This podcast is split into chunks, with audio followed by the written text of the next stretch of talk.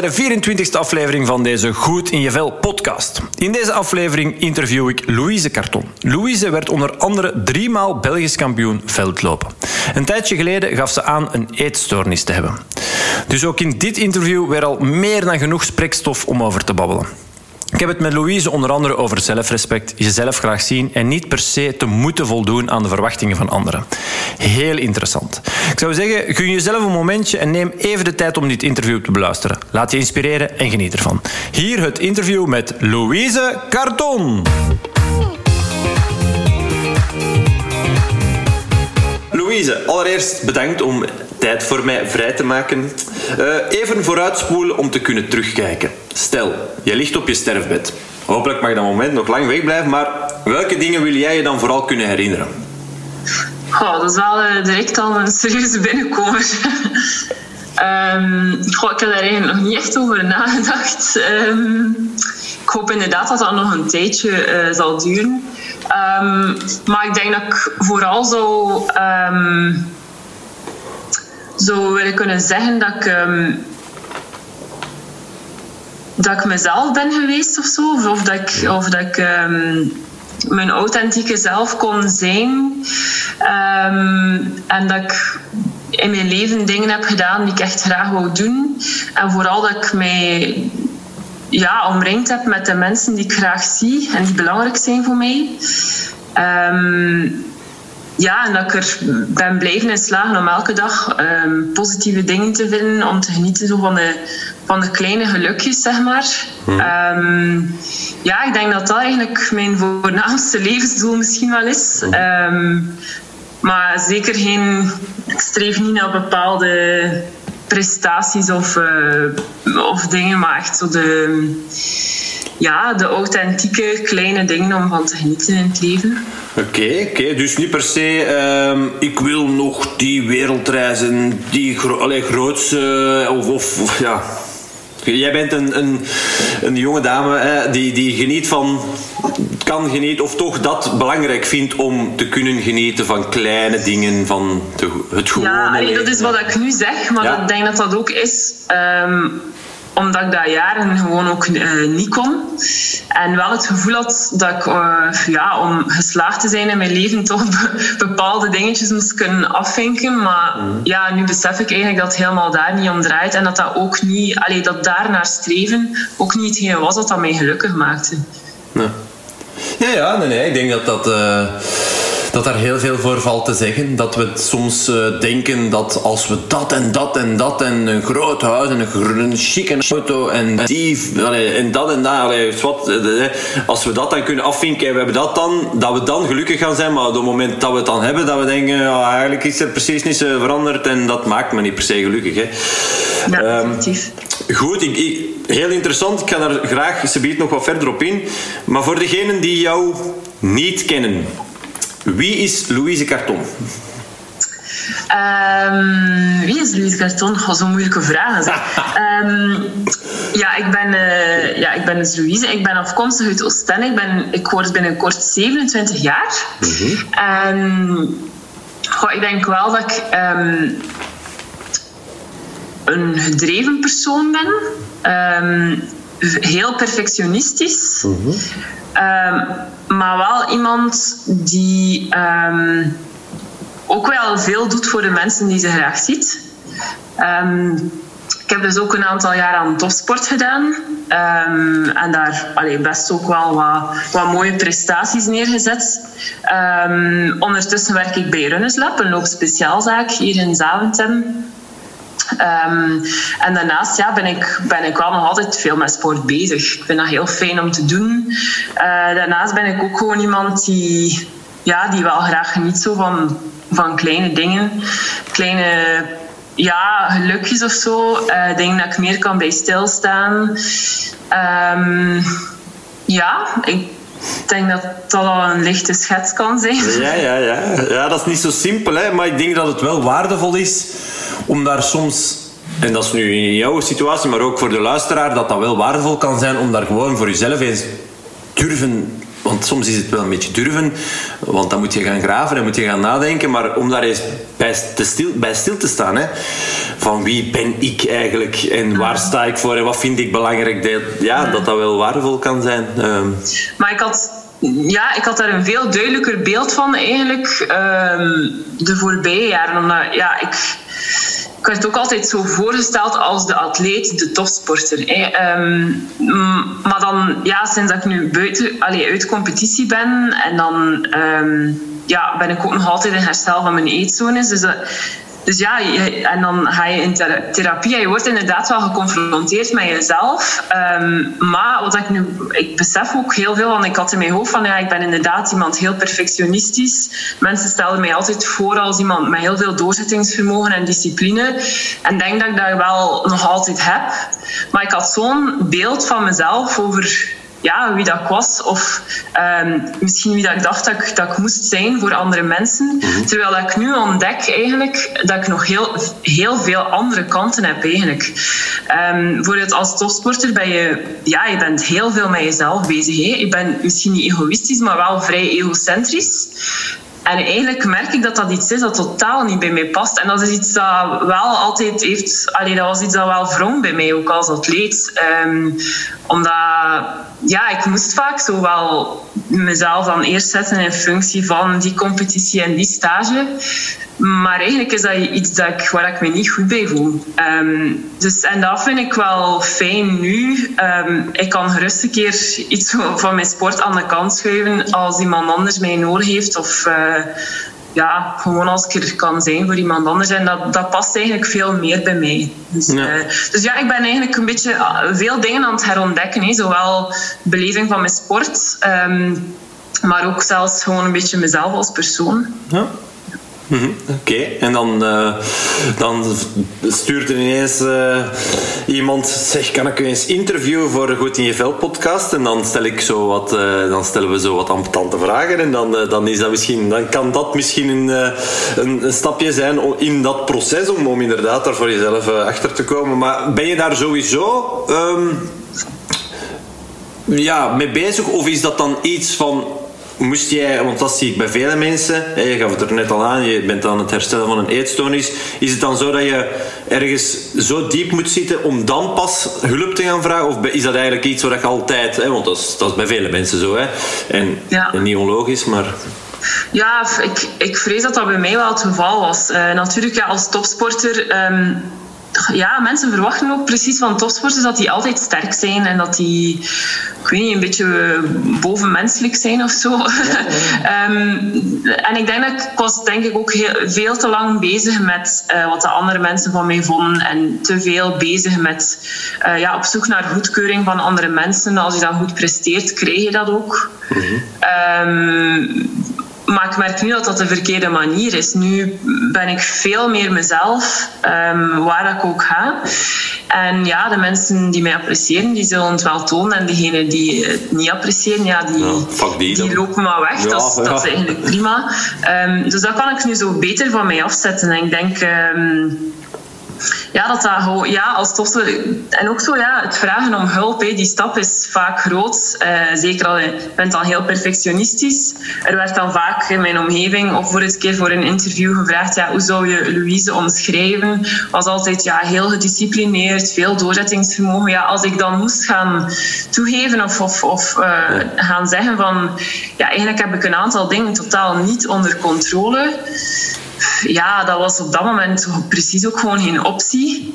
Um, denk iets anders dat wel meespeelt, dat ik ondertussen ook van veel andere mensen heb gehoord, zeker ook andere uh, mensen die met, met een eetstoornis kampen, is... Um, ja, vaak, zeker in het begin, als je zelf ook nog uh, niet doorhebt dat je eigenlijk echt een eetstoornis hebt, heb je zoiets van...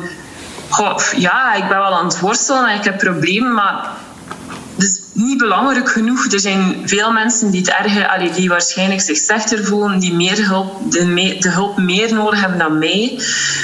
Um, dus ja, een beetje minimaliseren en ook zo, ja, het, het, uh, ja, je vindt het precies niet waard om, om dat voor jezelf te doen. Um, ja, natuurlijk vaak mensen met eetstoornis hebben ook gewoon minder zelfbeeld en, minder zelfrespect ook vaak. Allee, dat was bij mij toch zo. Ehm, ja, en dan vind je, ja, vind je, het, vind je probleem niet altijd erg genoeg om er iemand zo gezegd tussen aanhalingstekens mee lastig te vallen. Um, terwijl dat is echt iets dat ik heb geleerd. Zo van, ik stel mij veel kwetsbaarder op. Um, en dan heb ik zo, ja, iedereen heeft zijn eigen rugzak. Hè. Iedereen heeft zijn eigen rugzak. Je kunt moeilijk zeggen dat iemands problemen erger zijn dan van iemand anders. Ik vind als het een invloed heeft op je welzijn, dan is dat belangrijk genoeg om daar hulp voor te vragen. Ja. ja. Punt. Ja, toch? Ja, inderdaad. Ja, ja, ja. ja. ja zo simplist, ja, ja, zo simplist zeggen we dat nu. En, en, en lijkt heel logisch, maar goed, dat, dat, en dat is ook een stukje um, hetgene wat ik met, met deze podcast wil, wil bekomen. Hè, dat, dat, dat ja, het taboe rond u niet goed voelen. Ja, goed, dat dat, dat dat kan doorbroken worden en dat je inderdaad kan aangeven gewoon als persoon van hé, hey, het gaat gewoon niet goed met mij en help mij en, en, en aan de alarmbel kunnen en durven trekken. Ja. Maar het is inderdaad ook iets, want in 2014 overleed mijn vader heel plots. Ik was toen 20 jaar, natuurlijk, dat is. Uh, ik had zelf ook nog nooit zoiets mee, maar die impact daarvan is enorm. Um, maar goed, na de zomer moet ik terug gaan, gaan, gaan studeren in Leuven en gaan trainen. En er was eigenlijk niemand die vroeg aan mij van hoe gaat het eigenlijk met jou? Dus de, de vraag die ik kreeg was aan hoe gaat de training? Ben je klaar voor competitie? Dus ik had ook zoiets van ja, ik moet er blijkbaar over zijn. Hè. Ik moet, uh, dus ik sprak daar al met niemand over. Ja, ik heb wel ene keer aangedurfd als iemand mij vroeg van hoe gaat het met jou? zei ik ja, niet goed gaat slecht met mij. En dan zie je, zag je, ja, zie zo'n geschrokken reactie.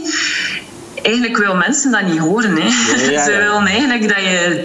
Maar ik denk dat dat ook is. Dat is iets dat ik zelf ook bij mezelf wel heb ontdekt. Van, omdat je, als je dat vraagt en iemand zegt, ja, het gaat niet goed. Op dat moment word je als persoon zelf ook geconfronteerd met je eigen kwetsbaarheid. Ehm, want je ziet dat bij iemand anders en dat kan evengoed bij jezelf ook gebeuren. Hè. Dus dan, ja, en precies dat we daar nog vaak moeite mee. Zo. Geconfronteerd worden met onze eigen kwetsbaarheid is blijkbaar iets dat nog zeer moeilijk is voor veel mensen. Maar ik vind, als je, daar, als je dat kunt doen, um, dan gaat er een wereld open. Ik heb zelfs een van mijn beste vriendinnen, um, ja, sinds dat ik eigenlijk mij veel kwetsbaarder opstelt ten opzichte van haar, heeft onze vriendschap nog een, een, een, extra dimensie gekregen. We, zijn, we delen nog veel meer eigenlijk. En dat is iets heel krachtig, vind ik. Ja. ja.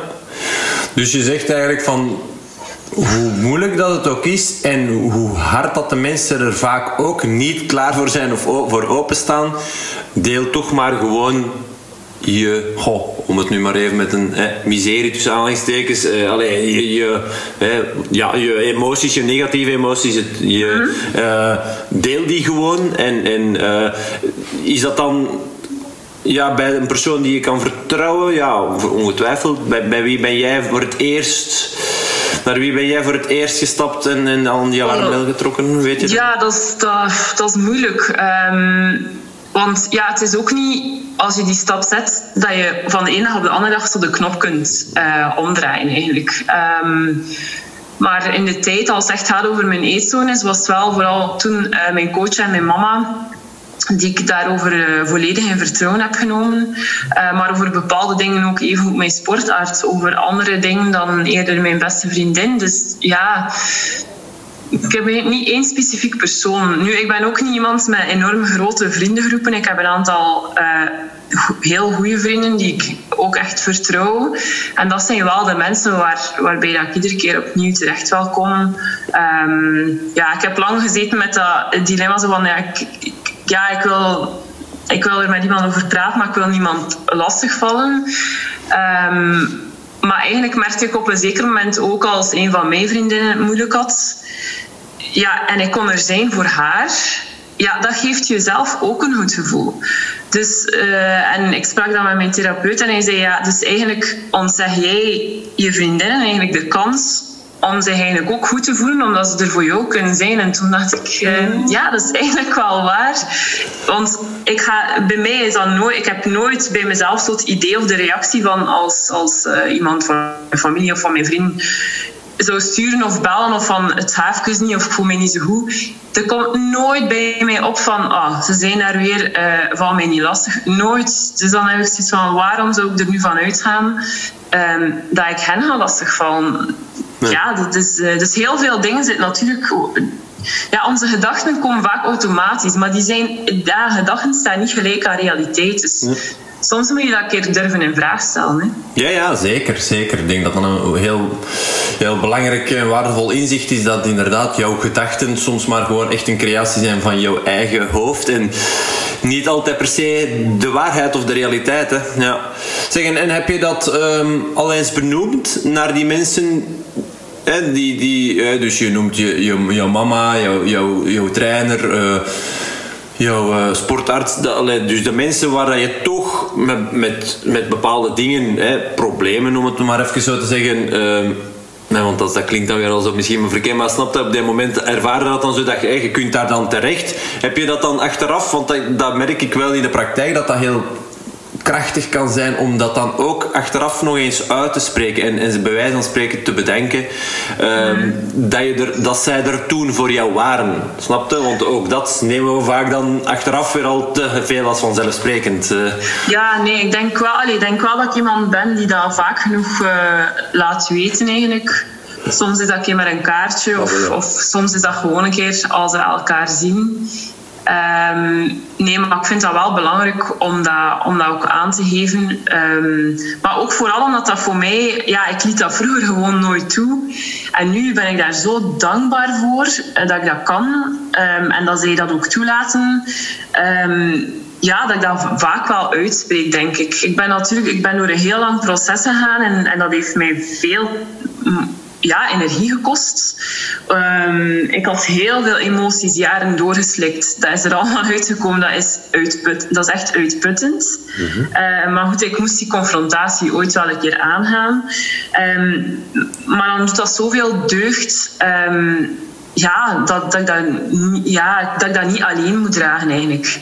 Ja. En dat is iets, ja, nu, ik, het is ook niet, ik bel ook niet alleen mijn familie en mijn vrienden als ik miserie heb. Nee, ik deel, nee, daar best, ja. deel daar best ook, uh, ook de positieve dingen mee. En allee, dat wil ik misschien er wel even bij zeggen van, um, we doen geen oproep om, uh, ja, om het allemaal negatief voor te stellen en, en al je miserie constant. Nee, maar het, het is wel oké okay om je. Niemand voelt zich elke dag supergoed. Um, wat dan iets dat ik van mijn coach heb geleerd, is ik heb zo'n een, een, een positief dagboek nu. Ja. Dus eigenlijk op het, op het einde van elke dag probeer ik minstens drie dingen op te schrijven. Waar, ja, positieve dingen. Ja. Iets waarvan ik energie heb gekregen die dag, of iets waar ik dankbaar voor ben. En zelfs op de meest slechte dagen. Um, als je echt goed kijkt, vind je altijd, vind je altijd wel iets. Ja. En dat heeft mij op een zeker moment ook echt enorm geholpen, omdat ja, als je zo al een tijdje zo wat in, ja, op een zeker moment was ik, ja, was ik ook vrij depressief en zo. En op een duur zie je ook niks positief meer. En dus het is heel belangrijk om, denk ik, dat positief perspectief ook te houden. Dus nu weet ik heel goed, het is oké okay als ik me niet goed voel, maar ik ga wel elke dag bewust inspanning doen om aandacht te hebben voor de positieve dingen ook. Dus het, het hoeft niet ofwel allemaal negatief te zijn, ofwel allemaal positief. Het kan perfect samengaan en dat is, al, dat is oké okay ook. Hè?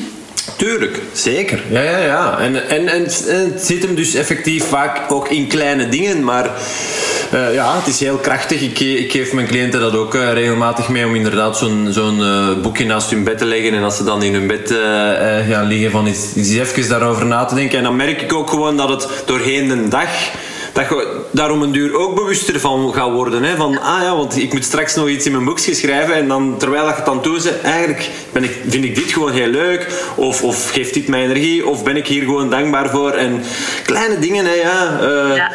ja. Maar door daar bewust mee, mee bezig te zijn en dat soms ook effectief op te schrijven, ontdek je inderdaad ook wat dat er jou precies energie geeft. Ja. Hè? Want ja, ja. ja, ik was dan lang bezig met die topsport en... Uh, maar door dat te doen heb ik eigenlijk ook ontdekt zo welke kleine dingen. En dus ik merkte dan eigenlijk na een paar weken al zo van, ah, wat komt er vaak terug? Dat is zo, um, ah ja, een gesprek met mijn beste vriendin. Um, een wandeling bijvoorbeeld met, met, met die vriend of vriendin. Een loopje um, buiten in de zon. Zo, dus ja, ik vind dat een hele goede oefening eigenlijk. En in het begin, ja, dat klinkt zo wat mensen zo, oh ja. Of, uh, maar als je toch even doorbijt en elke dag probeert iets te vinden, in het begin ook, hè, soms vond ik maar twee dingen mee in het begin, maar dat is echt dat is eigenlijk oefenen. Hè. Dat is mm, zoals dat je training ook kunt Allee, ja, ja fysiek. Dus, uh, nee, dat vind ik iets heel waardevol. Ja, ja. En, en dus, oké, dat zijn een paar voorbeeldjes die, die aangeeft. Uh, een wandelingetje buiten in de natuur ehm, een gesprek met iemand. Uh, zijn er nog zo dingen dat je, dat je in je boekje hebt staan dat je nu dat je, dat je zegt. Um, dat had ik niet ja, verwacht of zo voorhand. Dat meest, meestal meestal staat, staat, er, uh, staat er lopen. Ja, staat er sowieso bij, want ja, ik ben heel veel geblesseerd geweest de afgelopen jaren. Dus voor het vandaag ook, het was maar een half uurtje bij zonsopgang, maar ik heb het wel gehad, ik ben buiten geweest. En, maar voor mij is dat nu ook meer uh, sport dat mij deugd doet. Ik ben ook niet volgens een schema aan het trainen op dit moment. Dat is echt uh, dat is ook, ook wel heel fijn. Hè. Ik, zelfs mijn horloge blijft thuis. Uh, dus zo'n ja, zo'n ding. Ja, en, en, en wat nog? Um, ja, natuurlijk. Ik heb heel lang geworsteld met, met mijn lichaam, met mijn gewicht, met, um, met aanvaarden dat, ja, dat mijn lichaam verandert en met voeding zelf ook. Dus um, ja, elke dag voor mij, waar, waarbij dat ik mij vrij rustig voel rond wat ik eet en ja, rond wie dat ben, dat zijn voor mij kleine overwinningen. Mhm. Dus um, ja, dat kan soms super banaal klinken, maar gewoon een dag waarin dat ik um, ja, een normale maaltijd heb kunnen nemen en dat ik me daar niet schuldig over voelde. Dat ik, dat ik, me, um, ja, dat ik me ik vrij voelde in, in mijn keuzes. Dat ik gewoon kon eten waar, waar ik zin in had dat komt er ook vaak in. Ehm, omdat ja, ik heb daar heel lang uh, ja, moeten eigenlijk aan werken om, om tot op dat punt te komen. En dat lukt nog niet elke dag. Dus als dat wel lukt, ja, ja dan, is dat, ja, dan is dat super natuurlijk. Ja, en dan is dat een puntje dat zeker een plaatsje in jouw uh, dankbaarheidsdagboekje verdient, toch? Ja. Absoluut, ja. ja, ja. Zeg, ik wil daar zeker eens weten, want ik denk ook voor de, voor de luisteraars en, en die eetstoornissen, die hoge lat die uh, ja, jezelf oplegt en, en zo ik wil daar zeker beet nog wel uh, wat verder op ingaan. Maar um, hoe, hoe is, dat, dat, dat, dat, lijkt me ook wel interessant om daar even op in te gaan. Hoe is dat parcours van, um, ja, van kleine Louiseke hè, in Oostende op het strand spelende naar, um, ja, hè, je bent ondertussen drie, allez, je bent drie keer Belgisch kampioen veldlopen geweest. Uh, je hebt nog wel wat mooie dingen gepresteerd. Hè. Je hebt echt op heel hoog niveau heel snel gelopen. Um, waarschijnlijk veel sneller dan dat ik ooit heb gelopen. ja, hoe, hoe is dat parcours en hoe is dat, hoe is dat verlopen? Um, ja, het is eigenlijk begonnen denk ik, als ik in het tweede leerjaar zat. Uh, het was eigenlijk mijn papa die mij had meegenomen naar de atletiekclub. Die zag zo op school, zo bij tekstspelletjes, allee, dat allee, lopen mij eigenlijk wel goed afging. Um, dus hij had mij meegenomen. Ja, het was met traantjes en zo. Ik zag het nog niet zo goed zitten. Ik was iemand die ja, als kind ook, als ik ergens naartoe ging waar ik zo geen andere kindjes kende, mm -hmm. vond dat heel moeilijk. Ja. Um, ik was toen ook zo wel, ja, alles moest redelijk gestructureerd verlopen. En dus dat was voor mij echt wel serieus buiten mijn comfortzone. Nu, ja, ik ben daar gebleven natuurlijk die eerste jaren. Dat is vooral spelenderwijs een beetje kennis maken met, met atletiek. Um, maar ja, dat was fijn. Ik maakte daar ook wat vriendjes. Dat was wel leuk.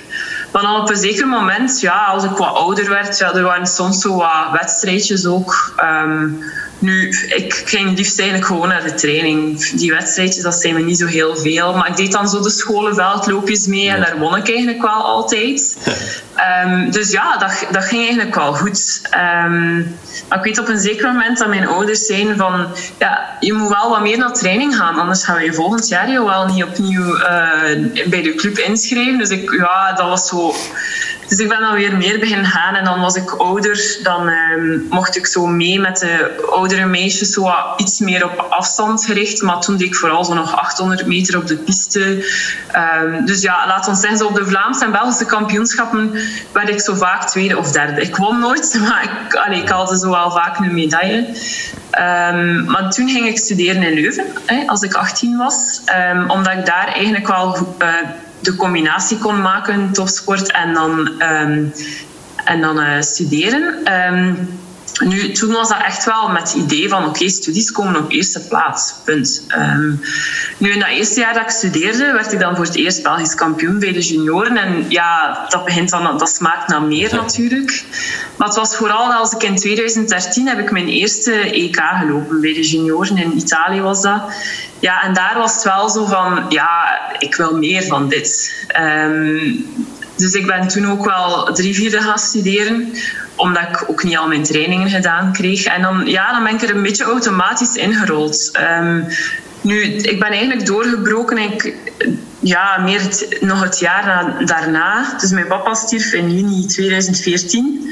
En natuurlijk, dat lopen was een passie dat wij samen deelden. Dus ik, ja, ik, ik hield me daar wel een beetje aan vast. Dus ik ging elke dag een uur lopen, ook al kon ik niet goed eten, niet goed slapen dat was waarschijnlijk niet het beste idee, maar goed, drie maanden later moest ik, moest ik terug gaan studeren in Leuven en, gaan trainen. En ja, ik zeg in Leuven was ik vrij eenzaam ook. Uh, want ja, de meeste van mijn leeftijd, die, ja, die, die, die begrepen niet goed hoe dat ik mij voelde. Dus ik kon daar eigenlijk niet echt over praten. En, en, dus dat was een heel moeilijke periode. En ja, ik zocht echt mijn houvast eigenlijk in trainen.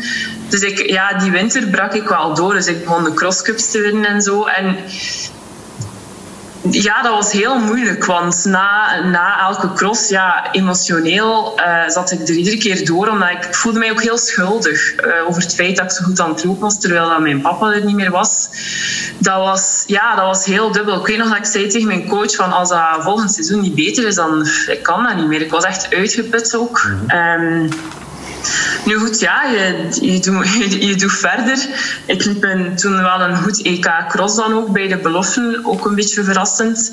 In de zomer 2015 dan, ja, heb ik, dat was eigenlijk mijn beste seizoen tot, uh, tot op heden. Um, dus ja, ik liep medaille op EK op de piste. Um, ik liep dan ook de limiet voor de Olympische Spelen. En dan december 2015 werd ik dan Europees kampioen in het veldlopen. Dus dat was wel... Ja, dat was eigenlijk een heel goed jaar. Um, maar ja, toen... Ja, ik besefte toen nog niet, maar toen zat ik eigenlijk ook wel al in mijn eetstoornis ik had een heel laag vetpercentage, waar ik heel de winter op verdere ook competitie deed. Dus ik kreeg wel een enorme dip daarna. En ik, uh, ja, eigenlijk, toen eigenlijk denk ik ook wel de eerste tekenen van, ja, um, extreme vermoeidheid, um, maar ook mentaal. Ik zat echt niet goed in mijn vel. Um, maar goed, ja, dan kwam er nog uh, een lange stage in Amerika kwamen nog en een EK en Olympische Spelen in de zomer. Um, maar ik had mij geblesseerd in Amerika. Dus ja, kon ik maar een paar weken voor de, voor de kampioenschappen terug beginnen lopen. Dus ja, toen, ja, toen is het eigenlijk al beginnen misgaan. Uh, ik heb dan wel nog uh, twee jaar verder competitie gedaan. Tot mijn laatste EK in 2018. Um, ehm, maar sindsdien dus uh, geen competitie meer gedaan. Maar dus ik ben er ja, een beetje ingerold eigenlijk. Ik ben sowieso als kind dat ik absoluut niet een... Ik had absoluut geen Olympische droom of zo. Ik was er echt totaal niet mee bezig. Ik ben sowieso altijd al iemand geweest die echt houdt van de training. Ik vond Astramin echt zalig. De structuur van het trainen. De competitie was, ja, dat kwam er dan bij. Um, maar ik stond eigenlijk nooit echt super zelfzeker aan de start. Um, dus uh, dat is wel iets waar ik spijt van heb. Dat zou ook, daarom zou ik mijn carrière ook keer opnieuw willen doen. Omdat ik denk ik wel best met meer vertrouwen aan de start kon staan. Ik heb op, in, ja, op een bepaald moment nog training toch heel hard gelopen. Was heel veelbelovend, maar uh, ik was zo beperkt eigenlijk in mijn hoofd in, in wat ik kon. Dat ik mezelf denk ik op, allee, zo echt wel beperkt heb in mijn prestaties ook. Ja. En heb je daar spijt van? Of is dat spijt komt te laat? Ik weet niet. Ja, um, goh, ja ik moet wel zeggen. Um, tot een jaar geleden was ik veel bezig met als dan, als dan. Ja. Ehm, ja, totdat mijn, allee, mijn huidige coach ehm, toch ook wel duidelijk maakte dat ik daar uh, totaal niet mee vooruit raakte. En hij zei, je hebt twee dingen nodig, acceptatie en tijd. Um, en de acceptatie heeft maanden geduurd. Uh, mm-hmm. Maar nu kan ik, ja, het is wat het is. Ik denk dat ik op elk moment mijn best heb gedaan en keuzes heb gemaakt in functie van hoe dat de situatie was op dat moment. Um, ja, ik was ook gewoon jong. Er komt dan druk bij van contracten um, waar ik afhankelijk van was, omdat ik financieel ook op, op eigen benen stond. Dus ja, het was gewoon niet simpel. Er kwam veel druk bij te kijken en ik had eigenlijk geen tools uh, om daarmee om te gaan. Daar, daarbovenop kwam dan nog een keer het, het verdriet van mijn papa, um, eenzaamheid, uh, ja, gewoon ja, dan nog mijn eetstoornis. Dus het, ja, ik zat mentaal niet goed genoeg in mijn vel om om eigenlijk mijn volle potentieel te benutten op dat moment. Um, en heb ik daar spijt van? Ja, ik, ik, denk niet dat ik daar spijt kan van hebben. Uh, ik zeg, ik denk dat ik gewoon... Um, ja, ik, denk, ik weet niet of er iemand is in, in, in zo'n situatie die daar, die daar uh, volledig uh, constructief en positief mee kan omgaan. Um, dus ja, ik heb dat moeten aanvaarden. Hè. Maar goed, het blijft mijn eigen verantwoordelijkheid. Dus op een zeker moment dacht ik ook van oké, nu is mijn herstel. Dan moet ik gewoon vastpakken en dan moet ik daaraan werken. En ik merkte gewoon van, uh, ik had niet de energie om en therapie te doen en te gaan werken. Want ja, dat moet ook gewoon op een zeker moment werken. Mm-hmm. En dan ook nog een keer één of twee keer per dag te trainen. Dus ik had toen heel veel moeite gehad om te toegeven van het gaat op dit moment niet meer. Um, mijn lichaam is niet meer belastbaar. Um, maar ik heb dat uiteindelijk wel kunnen loslaten. En het is wel pas sinds, allez, sinds dat moment um, dat ik dan in mijn herstel zelf ook echt wel stappen vooruit heb gezet. Ja. Ja, dat is natuurlijk. Um, ja, ik denk dat je, dat, dat, je, dat ik u alleen maar volledig gelijk kan geven. Dat je als je op die moment altijd het gevoel hebt gehad van ja, ik, ik, ik, doe mijn best en, en meer kan ik niet doen. En ik maak bewuste keuzes. En, en ja, dat je achteraf niet moet... Uh, allee, ja, goed, je kunt er wel eens over, over, over mijmeren van wat als en, en, en uh, weet je wel. Um, maar goed, ik denk niet dat dat per se u uh, helpt om je, om je gelukkiger te voelen. Hè, want ja, wat niet is, is niet. Hè. En nee, absoluut. Blijven, en nu, en ja, dan dacht ik, ja, het is, misschien is het ook genoeg om te weten voor mezelf. Ik weet dat ik op een zeker moment het in mij had om een Belgisch record te lopen, om, om, om een toptijd te lopen op 5000 meter, waarmee dat ik finales zou kunnen halen. Maar ja, ik hoef dat eigenlijk niet te bewijzen aan andere mensen. Dat is eigenlijk totaal niet nodig. Ja, ik weet voor mezelf dat ik hard kan lopen. Um, maar dat maakt mij daarom als persoon of zo niet, niet gelukkiger of, of, of niet, niet beter of nee. niet meer waardevol. Um, en dat is iets wat ik dan enorm ontdekt heb als ik met mijn verhaal naar buiten kwam.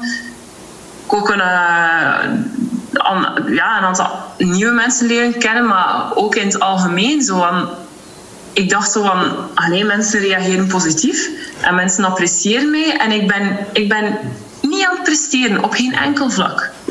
Niet in mijn studies niet meer, niet, niet in de sport. Ik was, voor mij was dat heel vreemd. Hè? Ja, ja. Dus, maar dat, dat was een superbelangrijke les voor mij. Van, het gaat helemaal niet over mijn prestaties. Natuurlijk, ja, als je in dat topsportmilieu zit, word je wel altijd zo benaderd. Maar er zijn genoeg mensen buiten dat topsportmilieu die jou die jou zien zo, allee, als persoon. En ik denk dat dat vaak het probleem is in de topsport. Um, je bent niet alleen atleet, je bent mens. Um, en ik denk voor mezelf dat, dat ik daar niet genoeg aandacht voor had. En ik denk algemeen in de begeleiding is daar niet genoeg aandacht voor. Um, ik ben er nog altijd van overtuigd, een atleet die als mens ook goed in zijn of haar vel zit, gaat altijd beter presteren dan, dan iemand die dat niet is. Ook al is hij dan misschien nog een paar kilo lichter. Um, dat is zo, hè. alles in cijfertjes, meten is weten.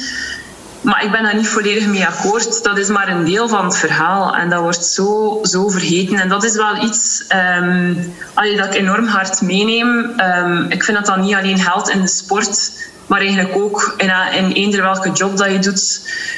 Of wat, wat dat je ook doet. Um, ja, het maakt eigenlijk allemaal niet uit. Als je niet goed in je vel zit, dat, allee, dan werkt het gewoon niet. Ehm, dus ik denk wel dat ik dat zo ja, wat ik daarnet een beetje zei, zo mezelf ook herontdekken, maar ook ehm, ja, mijn interactie met, met andere mensen is ook heel fel veranderd. Uh, en dat is echt heel fijn. Ja, ja, dat is heel leuk.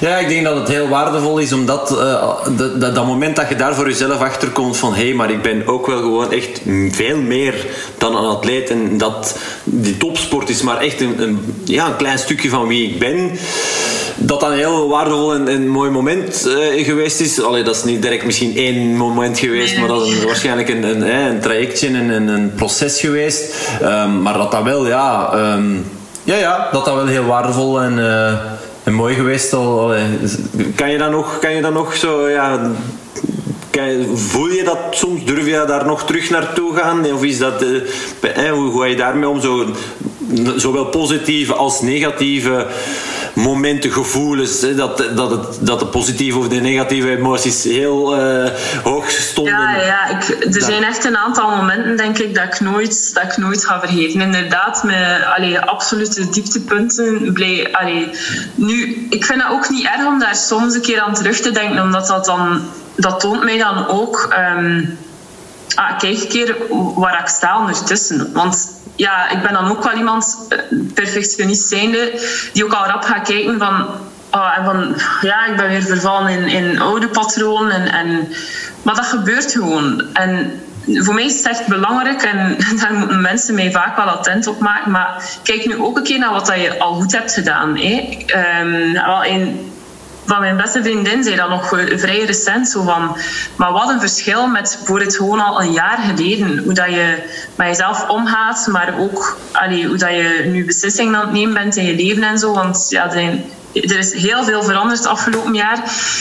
Um, dus ja, dat, dat, helpt mij dan wel om zo daar een keer goed bij stil te staan. En dan soms is het niet, is niet slecht om een keer even terug te denken aan, aan misschien wat minder momenten.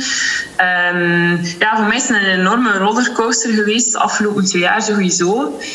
Maar uh, ja, en ik zeg dat aanvaardingsproces was heel moeilijk. Maar nu ben ik echt op het punt van hoe boeiend was het ook, is het niet al geweest eigenlijk. Um, en in plaats van spijt hebben over wat ik gemist heb of, of wat ik nog had kunnen presteren, kan ik ook het benaderen vanuit ja, dankbaarheid dat ik, dat ik dat proces heb kunnen doormaken. Hè? Want ja, het is misschien ook zo, als ik nooit zo diep had gezeten, was ik misschien niet eh, zo lang in therapie geweest en al, had ik dat misschien allemaal niet ontdekt. Dus um, ja, ik, allee, ik ga nu niet zeggen dat ik opnieuw zou tekenen om, uh, om um, een eetstoornis te krijgen en, en, en depressief te worden. Maar um, ja, het maakt mij, allee, ik neem het wel, het is een deel van mij. En op zich um, heb ik daardoor heel veel geleerd over inderdaad, over mezelf, maar ook over inderdaad zo wat ik waardevol vind in het leven. Uh, welke waarden dat belangrijk zijn voor mij om mee te nemen.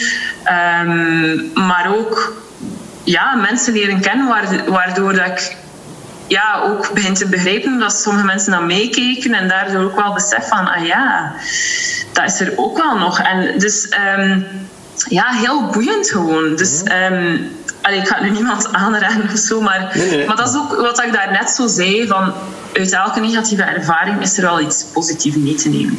Ja. Sowieso. Ja, ja en, en dus ik denk dat het gewoon... Het is misschien niet altijd makkelijk en niet altijd leuk, maar durven terug in dat moment te gaan dat je, dat je echt inderdaad heel slecht voelde, dat het niet goed met je ging. Um, ja, ik, ik geloof daar echt in dat dat soms um, en, en, als je die momenten voor jezelf al gedefinieerd hebt en je weet al, dat, dat is een, een hele belangrijke grote stap. Want heel veel mensen weten gewoon niet waar het zit. Hè, ja, ja, hè, dus dan is het moeilijk om er nog terug te gaan. Um, dus maar, maar goed, eens dat je die, die ja, want dat is toch wel een, zoektocht en, en dat is toch wel een avontuur om, ja, om ja, op zoek te gaan naar die momenten van waar komt dan nu waar, zat, waar zit dat eigenlijk? Hè? Het feit dat ik mij niet, niet goed voel op dit moment, ja goed, dat heeft altijd ergens ja, in het verleden ergens zijn, zijn een oorsprong, zijn, hè, daar is ergens een zaadje geplant en dat is dan gaan groeien. Uh, dat het heel waardevol is om daar gewoon voor jezelf durven, want dat is niet altijd, hè, dat is durven daar, om daar ja, achteraan te gaan en daar uh, naartoe te gaan. Absoluut, ja. Denk, allee, ik denk wel niet dat het echt nut... Ik denk ook bij mij, zeker als ik dan in het begin uh, in, echt specifiek voor mijn eetstoornis in therapie was, dan ik was ook echt zo op zoek van, ja, maar wat is nu de oorzaak? Waar is het gebeurd? En wel, maar een, een eetstoornis is zo complex. Je, je weet dat, je gaat, ik ga dat nooit weten. Dus een combinatie van, ja, ik ben heel perfectionistisch. Ja, je zit in een topsportmilieu dat heel triggerend is. Je wordt veel gewogen. Er wordt een vetmeting gedaan. Er wordt enorm de link gelegd tussen je gewicht en prestatie. Mm ja, dan was ik iemand die altijd al vrij onzeker was Allee, mm denk in het algemeen wel. Ja, denk als absolute trigger dan het verlies van mijn papa op zoek naar controle um, en structuur. Dus ja, het is, ja, het is zo complex, dus je kunt dan niet uh, gaan zeggen van dat is nu de oorzaak en dan moet je dat wegnemen en het is opgelost. Zo gaat dat niet. Maar het is zoals je daarnet zei, dus soms durven de confrontatie aan te gaan. Want, maar dat is moeilijk, hè? Um, dat, dat gaat misschien heel gek klinken, maar soms verlang ik, verlang ik naar uh, om terug in mijn eetzone te zitten. Op het moment dat ik nog niet, dat misschien nog niet door had, of, omdat dat hielp mij eigenlijk zo hard. Dat was in, in het begin ook in mijn therapie. Um, mijn, allee, vroeg mijn uh, therapeut ook zo, ja, maar wat zijn nog de voordelen van jouw eetstoornis? Maar ik zei, je gaat toch niet zeggen dat een eetstoornis voordelen heeft? Um, en ze zegt, ja, het staat jou in de weg om datgene te doen wat je het liefste doet. Dus ja, dan moet er daar toch nog iets van voor. Dus ja, ik ben daar beginnen over nadenken. En dacht ik, ja, ik was zo obsessief bezig met voeding en mijn gewicht dat ik geen tijd en geen energie meer had um, om bezig te zijn met wat er eigenlijk diep van binnen gaande was. Veel emoties, veel verdriet, eenzaamheid. Um, dus ja, dat was een beetje mijn uitweg. Dat was afleiding. Ik ben een enorme vermijder. um, ben ik aan het afleren. Maar dus ja, dat was een copingmechanisme eigenlijk om, om om te gaan met mijn emoties. Dus nu is dat ook een heel stressvolle of emotionele periodes. Verval ik heel vaak nog in oude patroon. Nu, ik ben me daar al sneller van bewust. Ik kan heel snel dat patroon dan wel weer doorbreken. Maar dat is... Um, en dat is zo... Dus op sommige momenten is het gewoon moeilijker om de confrontatie aan te gaan met je emoties. Um, dan eigenlijk niks aan je probleem te doen. Dus ja, en allee, bij mij was dat nu mijn eetstoornis. Bij andere mensen gaat dat misschien an, uh, andere, ja, minder constructief gedrag zijn. Um, maar dat is moeilijk uh, om daar afstand van, om daar afscheid van te nemen. Eigenlijk, ja, ja. eigenlijk is dat, kan je best verdrietig zijn als je moet afscheid nemen van, van je eetstoornis. Ja. ja, ja, tuurlijk. Omdat dat heel comfort, dat heeft jou ja, een hele tijd dat gevoel dat je geholpen om, om inderdaad aan andere dingen... Ja, je dacht dat dat u wel hielp om u goed te voelen, want het zou u beter doen presteren, het zou u afleiden van andere pijnen, mentaal misschien dan. Hè. Is dat dan toch ook niet de fysieke pijn die dan misschien de mentale pijn op een of andere manier... Ja, sowieso voor een groot stuk wel, denk ik. En... en um ja, als je s'nachts wakker wordt van de honger, dan is dat jouw probleem op dat moment. Dat, ja. uh, en, en, en niet de andere dingen die misschien sluimeren daaronder. En um, ja, ik denk ook gewoon. Dat is op een zeker moment ook een stemmetje die alles overneemt. Maar het probleem is dat je daar heel, voor heel lange tijd ben je daar gewoon niet, niet bewust van. Um, maar inderdaad, dat is, dat, is, dat is echt gewoon een afleiding van andere, van andere pijn. Gewoon. Nee. Zeg, je, je, geeft al een paar keer aan, hè, op zoek naar controle en structuur, uh, dat je het leuk vond in de atletiekclub, hè, al, in het tweede leerjaar, of, of, of, toch op heel jonge leeftijd, die structuur, um, de, de, de, structuur van het trainen, dat je dat leuk vond. Dus het woordje structuur heb je al, uh, denk al drie of vier keer uh, gebruikt. Ja, Louise en structuur. Of het juist loslaten daarvan. Kan je daar iets meer over vertellen? Ja dat, is, ja, dat is iets dat ik wel al altijd, dat was als kind ook. Hè. Dan vroeg ik aan mama om hoe laat gaan we eten. Als ze zei om zes uur, stond ik daar om zes uur. En als het niet klaar was, dan had ik daar echt moeite mee. Ja, ja, dus, ja. Dus, dat was wel, ik heb dat altijd wel al gehad. Um, nu, ik denk dat dat mij in veel dingen ook geholpen heeft. Zoals ik moest studeren en zo, was dat meestal vrij gestructureerd. Ja, ik moest meestal ook een planning maken om dat te combineren met, met, met studeren en zo. Dus heeft zeker ook positieve dingen, maar ja, het nadeel was dat ik, dat ik wel heel, daar, daar, daar heel stug in was, totaal niet flexibel in was. Ehm, terwijl nu is dat inderdaad een ongoing process om, om dat los te laten eigenlijk. Ehm, nu ja, ik ben wel zo'n, ik heb dan een periode was, was bijna niet aan het plannen, maar goed, ja, werk combineren met huishouden en eh, ja, zonder iets van planning lukt het ook niet echt. Ehm, maar ik, ja, het lukt mij soms al om het, om het wat meer uh, los te laten. Nu, ik ben, uh, sinds dat ik ook samen ben met mijn vriend, um, mijn vriend komt uit uh, Rwanda, dus meer Afrika. Ja, daar, oh, dat is... Ja, dat is echt allemaal zo nauw, niet zo. Ook zo om met iemand af te spreken, dat is zo ja, die, die bellen soms vaak de dag zelf zo van, ah ja, moeten laten spreken wat. En dan meestal zijn die nog te laat of, allee, of zo, alles op het gemak en zo. En ja, ja dat, voor mij is dat ja. zeer, zeer moeilijk. Maar soms ook een keer voor het eten zo van... Ja, je zegt dan, ja, we moeten toch ook niet alles plannen. En, niet, en soms is dat inderdaad fijn dat je zo op het moment zelf um, kunt zien wat er komt. Mm -hmm. Want ik ben dan ook wel iemand, als ik, uh, als ik dan wel dingen plan, dan heb ik al iets in mijn hoofd ook, dan creëer ik al een verwachting. En als dat dan ook weer niet volledig gaat, zoals ik het in mijn hoofd heb, ben ik vaak teleurgesteld. Ja. En dus um, het is een, voor mij is het een hele goede uitdaging om. Uh, allee, dus ik heb op dat vlak al veel van hem geleerd ook. Allee, Ja. Ik denk Ja, dat ik hem ook wel wat Ja, kan ja, ja. misschien op vlak van Zo hoort dat toch een beetje. Hè? Maar eh, voor mij was dat goed om dat keer te zien bij iemand anders. Zo van, oké, het hoeft niet altijd zo eh, strikt te zijn en zo. Dus ik probeer het nu in te zetten op een positieve manier. Ja. Ehm, en zo, ja. Maar ik denk dat dat iets is dat ik nooit volledig ga kunnen, ga kunnen loslaten. Maar, Nee, nee. Want nu, afgelopen weekend was heel onverwacht. Ehm, waren wij dan ergens gaan overnachten. Maar eigenlijk had ik voor de maandag een hele to-do-lijst klaar. Mijn maandag is mijn vrije dag. Maar omdat wij dan daar nog waren, kon ik, heb ik dat allemaal niet kunnen doen. Ik, eigenlijk was dat wel vrij oké. Er liggen hier nog dingen die moeten gedaan worden. Ja, dat gaat dan misschien voor binnen een paar dagen pas zijn. Ja, ja. Ehm, Zoals de podcast, eh, want wij gingen eigenlijk maandag en dan stuur je gewoon s'nachts zo, allee, redelijk laat. Denk ik, dat was vrij, om privéredenen kan ik niet. En dat is toch perfect oké dat je dat... Ja, wel- Vroeger zouden waarschijnlijk je duizend bochten gevrongen hebben om toch maar dan thuis op een plekje te Ja, ik had geen laptop bij, maar het was wel een leuke verrassing, want ik ben verloofd. Oh, proficiat. Oh, Ja. ja. ja, zalig. Dus, Oh. ehm, dus ja, en, en mijn mama had als verrassing een overnachting voor ons geboekt. Vandaar Ja, dat ja. ik even dit ook moest Ja, ja, eh, maar verzetten. Wel, vroeger ging ik daar Ja, ook enorm veel Ja. problemen mee Ja, had. en wel, van, ja.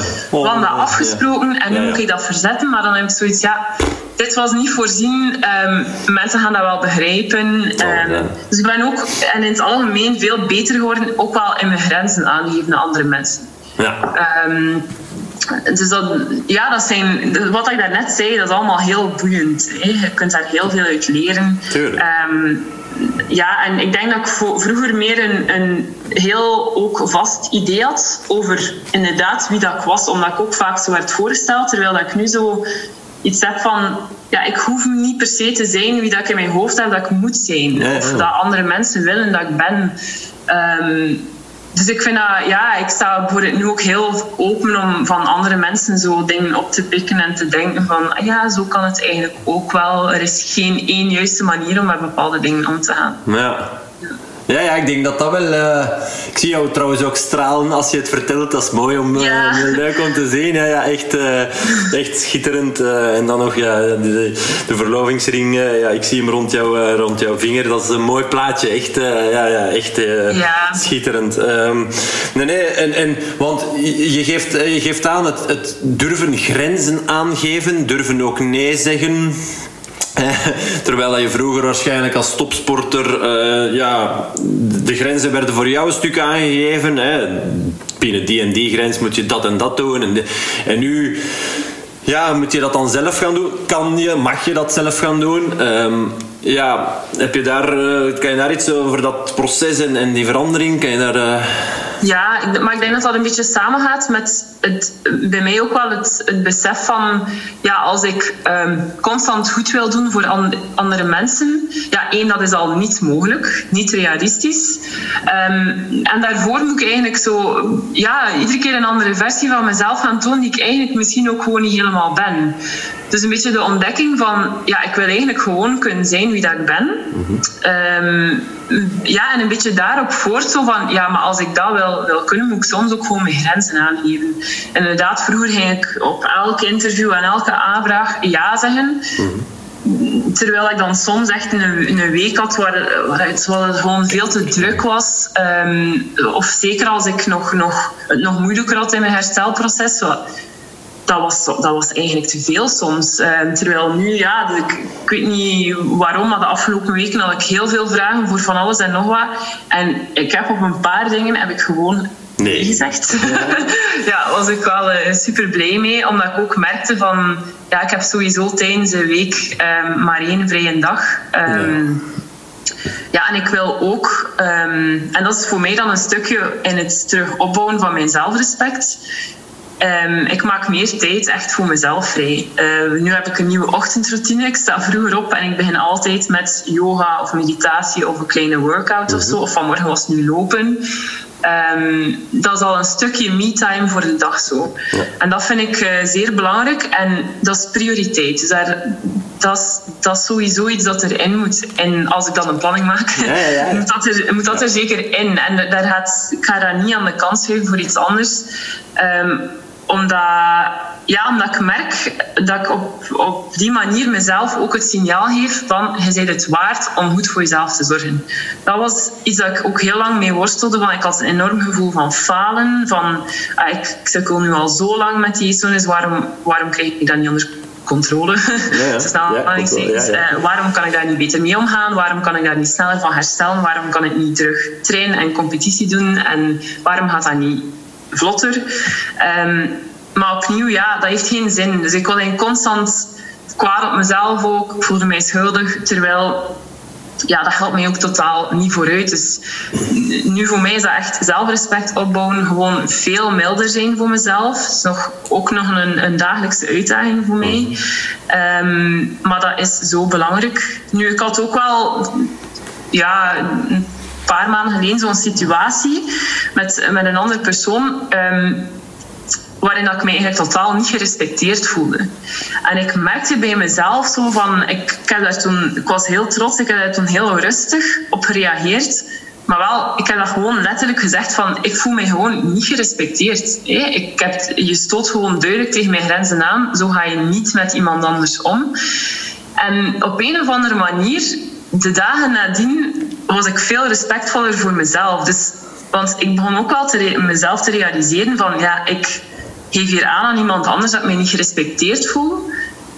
Maar als ik terugkijk op de voorbije jaren, dan heb ik mij zelf eigenlijk met heel weinig respect behandeld. Mhm. Dus ja, ik weet niet, um, dat heeft mij zowel doen inzien van ja, als ik verwacht van andere mensen dat ze mij met respect behandelen, ja, dan kan ik dat eigenlijk niet meer verantwoorden dat ik niet respectvol ben naar mezelf toe. Dus dat was ook weer een zeer uh, leerrijke les voor mij. Ja, ja, ja, ja. Dat snap ik. Ja, ja, dat je als je iets verwacht van, van, van een ander, ja, dan moet je al eens durven kijken naar jezelf. Doe ik dat dan ook wel bij, bij mezelf? Ja, dat, dat is inderdaad uh, ja, heel waardevol. Ik vind het ook heel, heel um, ja, krachtig dat je zegt van ik moet durven milder zijn voor mezelf. En, en, want, want ik ben het gewoon waard.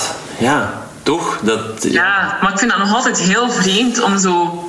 Um, ja, om goed voor mezelf te zorgen eigenlijk. Dat is echt... Um, maar, maar ook dat is weer iets dat andere mensen dan ook duidelijk hebben gemaakt. Soms... Um, ja, weet je wel, als iemand een vraag stelt van ja, hoe, hoe reageer jij bijvoorbeeld als een vriendin haar niet goed voelt? Of stel je vriendin komt of iemand van je familie komt en zegt van ja, het, ik, ik heb dat misgedaan, allee, misgedaan. Um, dat ging niet zo goed. Of, dan ga je daar toch ook niet super kwaad op zijn. Dan ga je daar meestal heel begripvol op reageren. En dan ga je zeggen van kijk, morgen is een nieuwe dag. En, of ga het misschien vragen, kun je er misschien iets uit leren, zodat je het de volgende keer misschien anders kan doen. En op een manier waar, waar je beter bij voelt. Dus ja, het gaat, het gaat veel denk ik over bewustwording. Echt bewust worden van hoe dat je met jezelf omgaat. Uh, en gewoon een keer durven in vraag stellen van... Um, ja, ben ik eigenlijk wel even lief voor mezelf als ik ben voor andere mensen. Ja.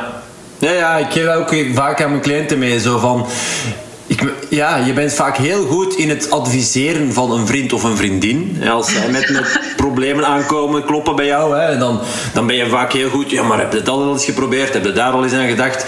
Je kunt dat of dat misschien wel doen. Maar voor onszelf lukt dat dan, lukt dat dan niet. En, en dus inderdaad, de, de, de coach die je voor een vriendin bent, of die, de, probeert die ook gewoon eens wat meer voor jezelf te zijn. En, en die, die goede raad ja, die je anderen geeft, ook gewoon voor, voor jezelf te, ja, toe te passen, uiteraard. Hè. Dus ja, dat is. Um, ja. Zeg, en. en um, hoe ga je er nu, um, hey, je bent een controlefreak, uh, of, of, toch ja, de structuur, belangrijk, perfectionistisch.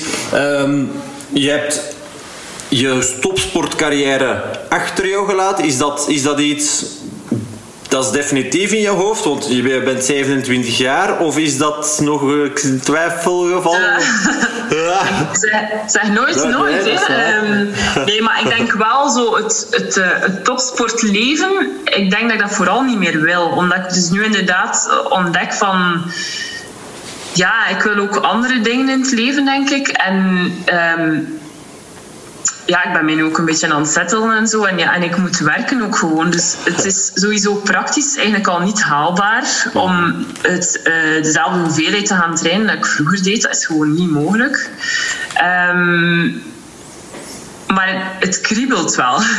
Omdat ik voel wel nu um, dat ik mezelf uh, wat beter verzorg. -hmm ja, dat zit er wel nog altijd. Um, nu ook als ik ga lopen, van ja, mijn conditie is super slecht, dus ja, ik ben buiten adem en, en dit en dat. Um, maar dat zit, daar, dat zit daar ergens wel nog. Ik voel dat ook wel. Dus ja, geef mij twee, drie jaar om weer wat consistent te trainen. En ik ga denk ik weer op deftig niveau lopen. Maar sowieso limieten zo voor Olympische Spelen, dat ga ik niet meer najagen. Maar zo wat crossen of wat, wat, wat straten lopen of misschien wat trailruns of zo, dat zie ik mezelf al nog, allee, dat zie ik mezelf al nog doen eigenlijk. Maar op dit moment heb ik te veel andere dingen. Um, ja, heb ik vrij snel ook wel nog pijntjes hier en daar. Dus ik ben nu ik ben nu echt gewoon, ik heb voor mezelf ook het doel gesteld. Allee, als ik dan toch nog een keer een doel stel voor mezelf, is van eerst nu nog dieper in dat proces gaan van inderdaad van zelfzorg, uh, zelfrespect terug opbouwen, uh, nog een iets uh, rustigere en stabielere um, relatie met eten en met mijn lichaam opbouwen. En voor mij is op dit moment bewegen en sporten, dat staat alleen maar in functie daarvan. Voor het als ik nu vanmorgen ga lopen, is dat gewoon omdat ik zie van ah, de zon gaat mooi opkomen. En ik heb eigenlijk zin om, om te gaan lopen. En dan doe ik dat gewoon. Dat was gisteren nog niet gepland. Voilà. Dus dat was uh, zeer spontaan. um, en ik, want ik, zoals ik net zei, ik ben ervan overtuigd als ik dat. Want het gaat beter met mij, maar ik voel dat dat nog fragiel is. Dus ik wil dat eerst stabiliseren. En ik denk, als ik daar kan komen en dat ik beter in mijn vel kan zitten. En we gaan dat binnenkort ook verhuizen. Dus als we ook wat meer ons ritme hebben gevonden. Um, ja, dan sluit ik dat niet uit dat dat, dat dat weer de goede richting kan uitgaan. Maar het ding is zo van, ik hoef het nu nog niet te weten. En dat was ook lang iets van, ja, ja, oké, ik ben nog maar 27, maar nu moet het gebeuren. Ja, niet, hè. dat moet nu niet gebeuren. Ik denk uh, dat ik op dit moment andere prioriteiten heb. Uh, dus ik probeer het gewoon op mij te laten afkomen. En uh, ja, dan zien we wel. Ja, ja, ja, oké, ja, ja. Mooi. Um ja, je, geeft het net aan. Oké, het zal wel komen, maar, maar eh, je, hebt, uh, ja, je bent verloofd nu, je hebt uh, verhuisplannen. Uh, je, ik hoor je net zeggen, ja, ik wil ook wel meer in het leven. Hoe, zie jou, hoe ziet jouw, ehm, als je er nu over nadenkt, en het kan uiteraard allemaal nog veranderen, maar jouw toekomst toe, waar sta jij binnen vijf jaar bijvoorbeeld? Durf je daar of, of ja? Ja, ik hoop dat we uh, tegen dan misschien een huis kunnen kopen. Ja, ik wil, ik wil sowieso kindjes. Mm um, dus ja, dat gaat er denk ik sowieso wel... Allee, nog niet direct, maar ik vermoed binnen de eerste vijf jaar wel gebeuren. Um, en daarnaast denk ik ook van, ja, ik vond voor mij ondertussen al een heel boeiende um, reis. Um, en ja, ik denk dat ik daar wel op een zeker moment iets mee zou willen doen. Ja, een beetje zoals jij het misschien ook wil doen. Zo de boodschap verspreiden van, van ja, ook dingen dat ik nu zei. Zo van, ja, wees, wees wel lief voor jezelf en, en beweeg of sport voor je gezondheid, voor je welzijn, ook voor je mentaal welzijn. Um, want inderdaad, in, de, ja, in onze huidige maatschappij is zo op prestatie gericht. En zoveel mensen, ook van mijn leeftijd, dat ik al dan zie, die al een huis hebben gekocht, die, um, ja, die echt een, een, een, goed betaalde job hebben en die, al, die, die veel kunnen doen, die, die ook al kinderen hebben. Dan, dan denk je soms ook van oei, ja, en ja, ik, ik, kan, ik kan totaal nog geen huis kopen en ik kan nog niet. Uh, ja, dus het, zo de, de verwachting die je zet. Dus je moet eigenlijk een, ja, je moet, je moet op vrij jonge leeftijd eigenlijk al trouwen. Kinderen hebben een huis, ja, in een huis hebben. Um, dan liefst ook een drukke job, een drukke job. En uh, het huishouden moet ook in orde zijn. En dan moet je ook nog een keer veel sporten en, en, en supergezond eten. En, en ja, dat is, ja, en dan nog mager zijn en strak uitzien. En ik denk dat veel mensen zich daar nog een beetje in verliezen. En inderdaad zo ook mee die boodschap verspreiden van... Um, ja, het, het, is, het is misschien al goed genoeg wat je allemaal aan, aan het doen bent. Uh, en het is niet nodig om, om, om, om dan ook inderdaad, als je gaat gaan sporten voor je plezier, om, om, om dat dan nog allemaal te gaan vergelijken met anderen op Strava. En, en allee, als dat motiverend werkt, Strava, gebruik dat, absoluut. Ja. Um, maar dat moet toch geen extra druk zijn naast al de andere dingen die nog verwacht worden van ons. Um, ja, zo, zo mensen uitnodigen om een keer los te komen van de verwachting, misschien vanuit onze maatschappij, en een keer te gaan kijken van ja, wat heb ik eigenlijk nodig om misschien nog wat beter in mijn vel te zitten? Of, of, of waar krijg ik energie van? En zo dus daar zou ik super graag iets mee doen. En natuurlijk, ja, het, het sportgedeelte, ik voel bij mezelf ook dat ik dat nodig heb. Allee, dat is echt ja, misschien een beetje verslaafd, ik weet het niet. Maar ja, het heeft zo'n positief effect. En ik zeg, deze ochtend was dat 35 minuten lopen. Maar dat is genoeg om energiek aan je dag te beginnen. Dus zo'n ding zo. En, en, en ik vind dat super boeiend om daarmee bezig te zijn. En dan vooral de link met dat mentale. Ik vind dat super interessant. Um, dus ja, ik ga waarschijnlijk ook... Allee, ik ben bezig met een cursus live coaching ook. Mm -hmm. um, ik heb in de tijd ook wel nog voor personal coaching cursus gedaan. Dus ik denk zo... Mijn ultieme droom is de combinatie doen van inderdaad dat personal training, dus het sportgedeelte, met ja, die live coaching, wat dan meer gaat over inderdaad in je totale leven, je mhm. totale welzijn. Hey, van wat kan ik daar nog, nog gaan aanpassen? En dan in combinatie um, ja, met mijn ja, laten we zeggen, ervaringsdeskundige ja. um, zijn van, van eetstoornissen dan. Zo die, die drie ja. aspecten zo combineren, ja, dat lijkt me geweldig om, um, om op een of andere manier daar mensen mee verder te kunnen helpen. Omdat je ook merkt bij mensen die ook eetstoornis hebben of gehad hebben, ja, bij mij hetzelfde. Ik, ik, kan dat, ik kan daarover vertellen aan mijn vriend, ik kan daarover vertellen. Mijn, maar als, als je dat zelf nooit hebt gehad, is dat heel moeilijk om je daar iets bij voor te stellen. Wat ik ook snap, hè, dat je dat niet, niet kunt verstaan. En dan merk je dat we onderling eigenlijk ja, op zoek zijn naar verbinding, omdat we elkaar, ja, we voelen ons begrepen door elkaar. En dat is ook iets heel waardevol, denk ik. Um, heel veel mensen hebben dat aangegeven ook. We hebben ook een podcast gemaakt daar rond. Ook uh, andere getuigen, allee, mensen laten getuigen. En, en heel veel mensen waren van... Ah, oh, dank u. Het wordt uitgesproken, er wordt over gesproken. En ik, ik, het is zo herkenbaar, want sommige mensen spreken er met niemand over, zoals dat ik jaren heb gedaan. Dus ja, ik zou zo graag willen voor zoveel mensen. um, ja, dat ze een stapje vooruit kunnen. Dat ze, ja. ja. dat ze ook... Want ze kunnen zo vastzitten op een zeker moment dat ze, ja, dat ze ergens stapje voor stapje zo wat er, allee, kunt terug naar boven klimmen. Zo. Ja, ja. Ja. Maar hoe en, en hoe dat, dat precies vorm gaat krijgen, dat weet ik nog niet op dit moment. Um, uh, ja, moet ik, uh, allee, ik werk ook graag bij Runners Uh, misschien kan ik ooit de twee combineren. Ja, ja, geen idee. Maar um, ja, ik denk, ja, dat klinkt misschien gek, maar die dingen schuif ik echt nog aan de kant. Maar eerst, ja, ik zeg het proces waar ik nog in zit, krijgt voor mij prioriteit op dit moment. Uh, dus eerst als persoon zelf nog wat sterker in mijn schoenen staan, is ook wel belangrijk, want dan merk ik ook, als ik beter zorg voor mezelf, ben ik zelfs nog veel beter in staat om er te zijn voor andere mensen. Dus. Ja.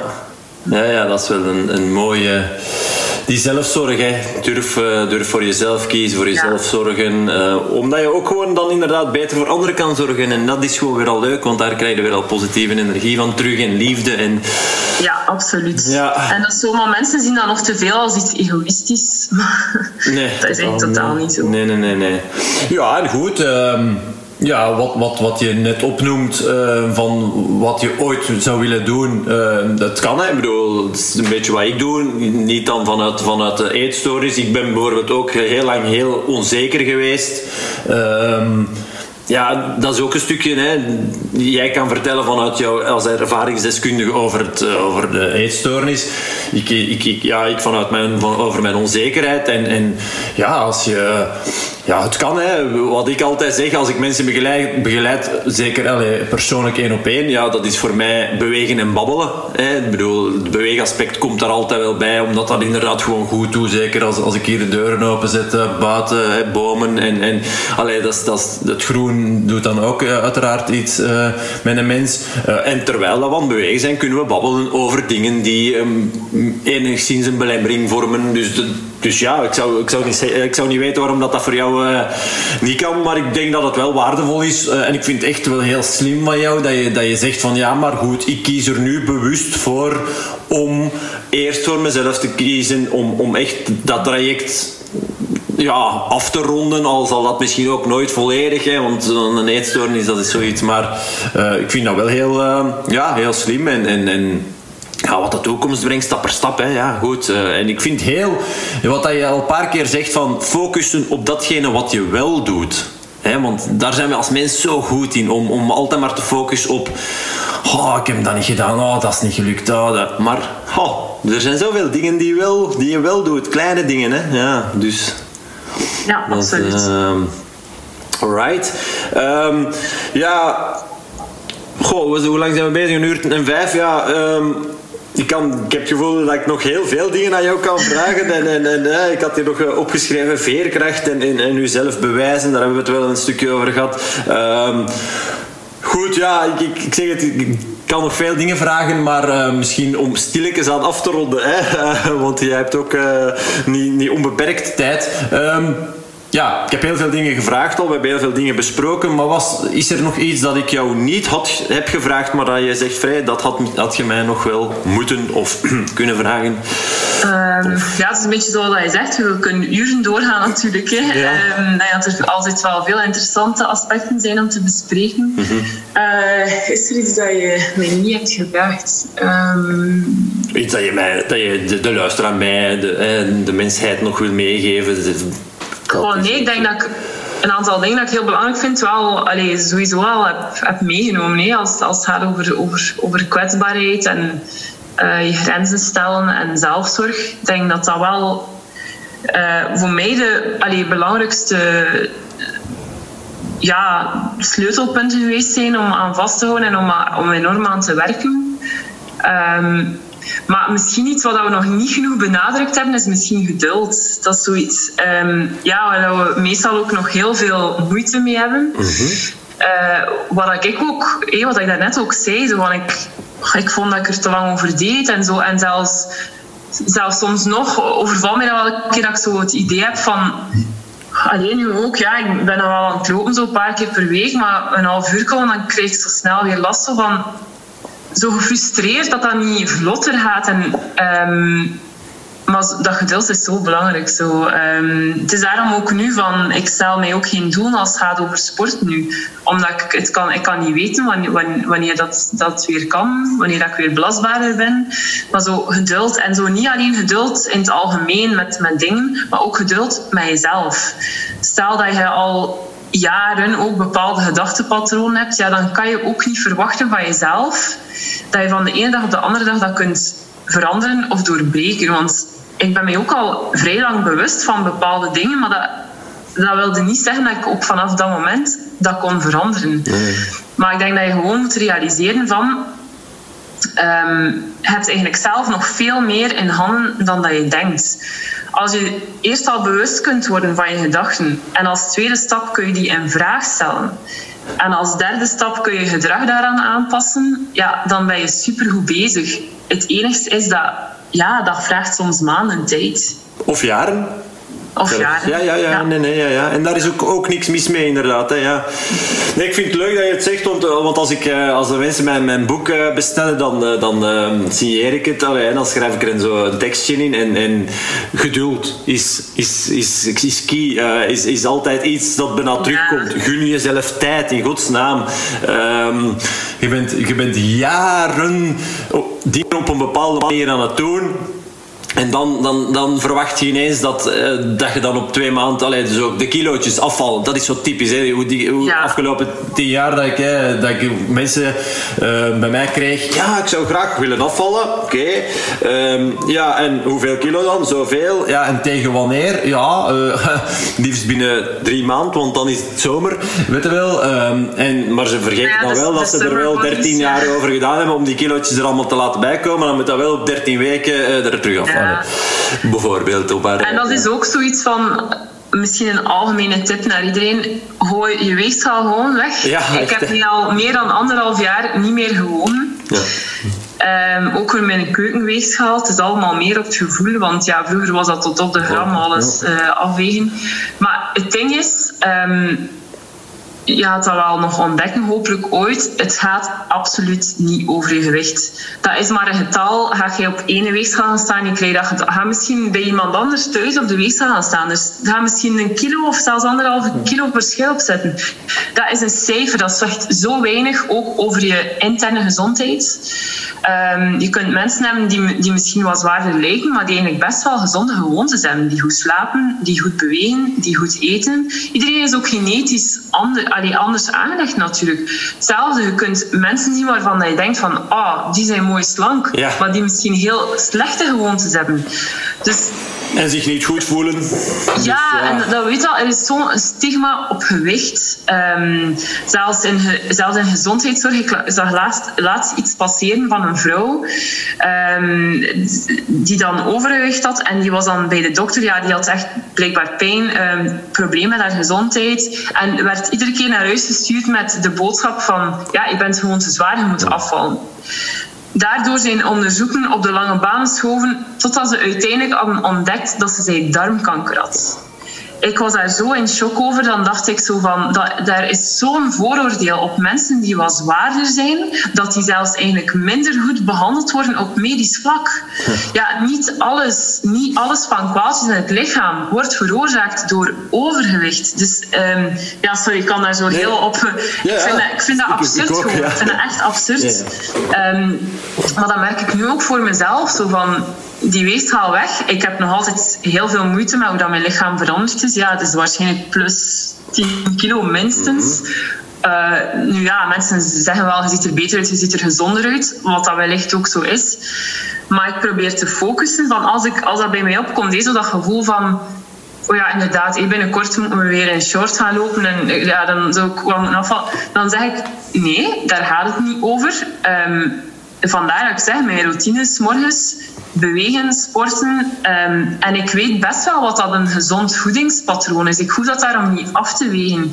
Ehm, maar als, als allee, mijn vriend eet graag uh, frietjes. Uh, vroeger ja, had ik dat misschien één keer of twee keer in een jaar. Ja. Terwijl, ja, nu eten we dat soms om de twee weken. Maar als je over het algemeen een gebalanceerd eetpatroon hebt, dan kan dat dus, je gaat echt geen twee kilo bijkomen van een keer frietjes te eten. Ehm, en dat is ook zoiets van, geef jezelf gewoon de toestemming om te eten waar je zin in hebt. Je gaat er veel meer plezier aan hebben. Je gaat dan ook minder nodig hebben om er verzadigd van te zijn. En op het einde van de dag voel je je goed in je vel, omdat je, je hebt iets gedaan voor jezelf. Um, je hebt, misschien gegeten en gesport in functie van wat dat goed voelde voor jou. En dan maakt dat cijfer op de weegschaal toch wel niks uit, zeker. Ja. Ja, nee, nee, ja, ja, dat is ook zo, ja, ja. Ja, wij eten zelfs elke week frietjes. Uh, ik, ik, ik goh.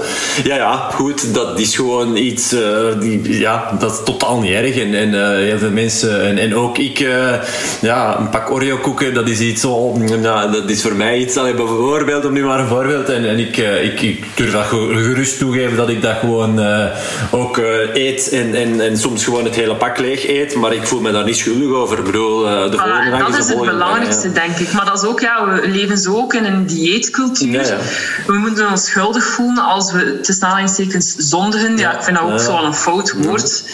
Um, nu, ik ben ook heel veel aan het lezen over intuïtief eten en zo. Ik vind dat super interessant.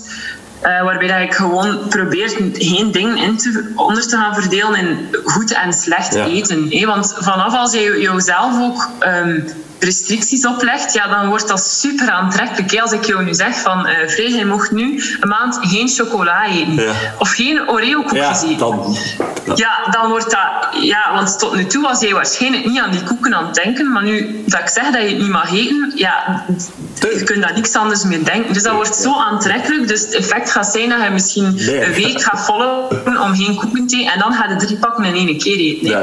En dan voel je daar schuldig over, want je hebt een regeltje doorboeken. Dus dat is zo nog een lange weg, maar ja, daar kunnen we ook ja, ja, ja. doorgaan. Dus ook, ik denk dat dat zoiets is van ja, van, je moet al verdomme sterk in je schoenen staan om binnen onze dieetcultuur inderdaad gewoon naar je lijf te luisteren en ik te horen, wat heb ik nodig vandaag? Meestal, wat gebeurt er na een dag dat we frietjes hebben gegeten? De dag nadien heb ik meestal zin zo in iets, in iets goeds aan. Ja, tuurlijk. Dus je lichaam kan perfect zelf wel aangeven hoor, wat dat je nodig hebt. Maar we zijn zo aangeleerd dat we ons lichaam eigenlijk niet mogen vertrouwen. Um, ja, dat we dat gevoel kwijt zijn. Hè? Ja, ja, ja, ja, dat is ook. Ja. Dat is, uh, dat is jammer. En, en ja, dat is ook een stukje luisteren naar je lichaam en en durven, ja, wat heeft mijn lichaam nodig? En, en kiezen voor voeding in plaats van vulling. Dat, dat, allez, bedoel, maar, maar ook gewoon het evenwicht. Hè, dat, dat, um, ja, ik merk dat ook. Als ik vrijdagavond frietjes heb gegeten, ja, goed, dan, dan is er bij mij al zoiets op zaterdag van ja, ik zal misschien maar een Turken gaan lopen. Want hè, daar de balans in vinden, die energiebalans. Maar ook gewoon van ja, wat eten we straks? Ja, doe maar een, een slaatje, want we hebben gisteren een aantal frietjes. Dus die, die, die balans vinden. Um, is, is wel heel waardevol. Niet altijd ook niet gemakkelijk, uh, maar goed. Wel, het is ook, maar dat is ook iets dat je geduld moet voor hebben. Hè. Want uh, dat is... Uh, ja. Maar ook daarin is mijn vriend dan... dat is een, een geboren intuïtieve eter. In Afrika kennen ze ook geen eetstoornis. Ik heb hem dat echt moeten uitleggen. Ja. Maar die zei ook altijd tegen mij van you have to feel free. Je, moet, je, moet, je vrij voelen rond voeding. Zegt hij, als je zin hebt in, in koekjes of in chips, zeg mij welke. Ik ga dat gaan halen voor jou en we eten dat samen op. Dus wij hebben nu altijd standaard chips in huis, koekjes, ijs.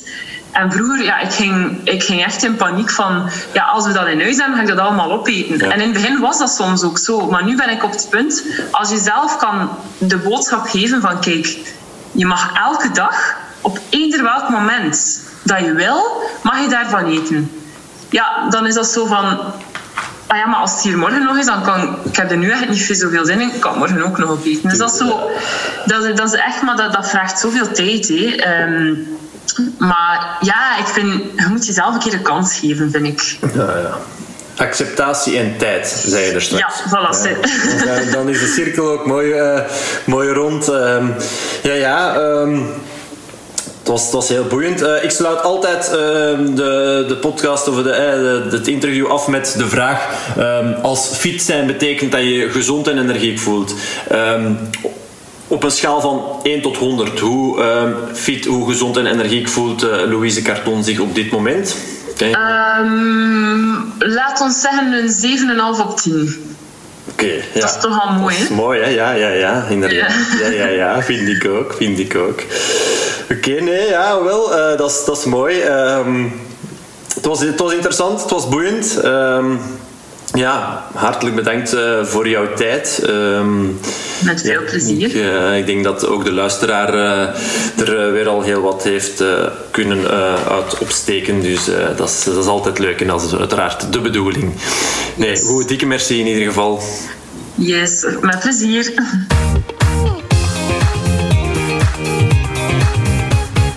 Hupsakee, dat was hij weer al. Boeiend, hè? Ik ben benieuwd hoe jij hier tegenover staat. Over jezelf graag zien en kunnen zijn wie jij bent, echt bent. Je mag altijd even van je laten horen. Maakt niet uit via welk kanaal. Via Instagram, at iedereen fit of at Heijlen. Of via mail, free.wordfit.be of, of zie maar. Ik hoor graag ook jouw verhaal.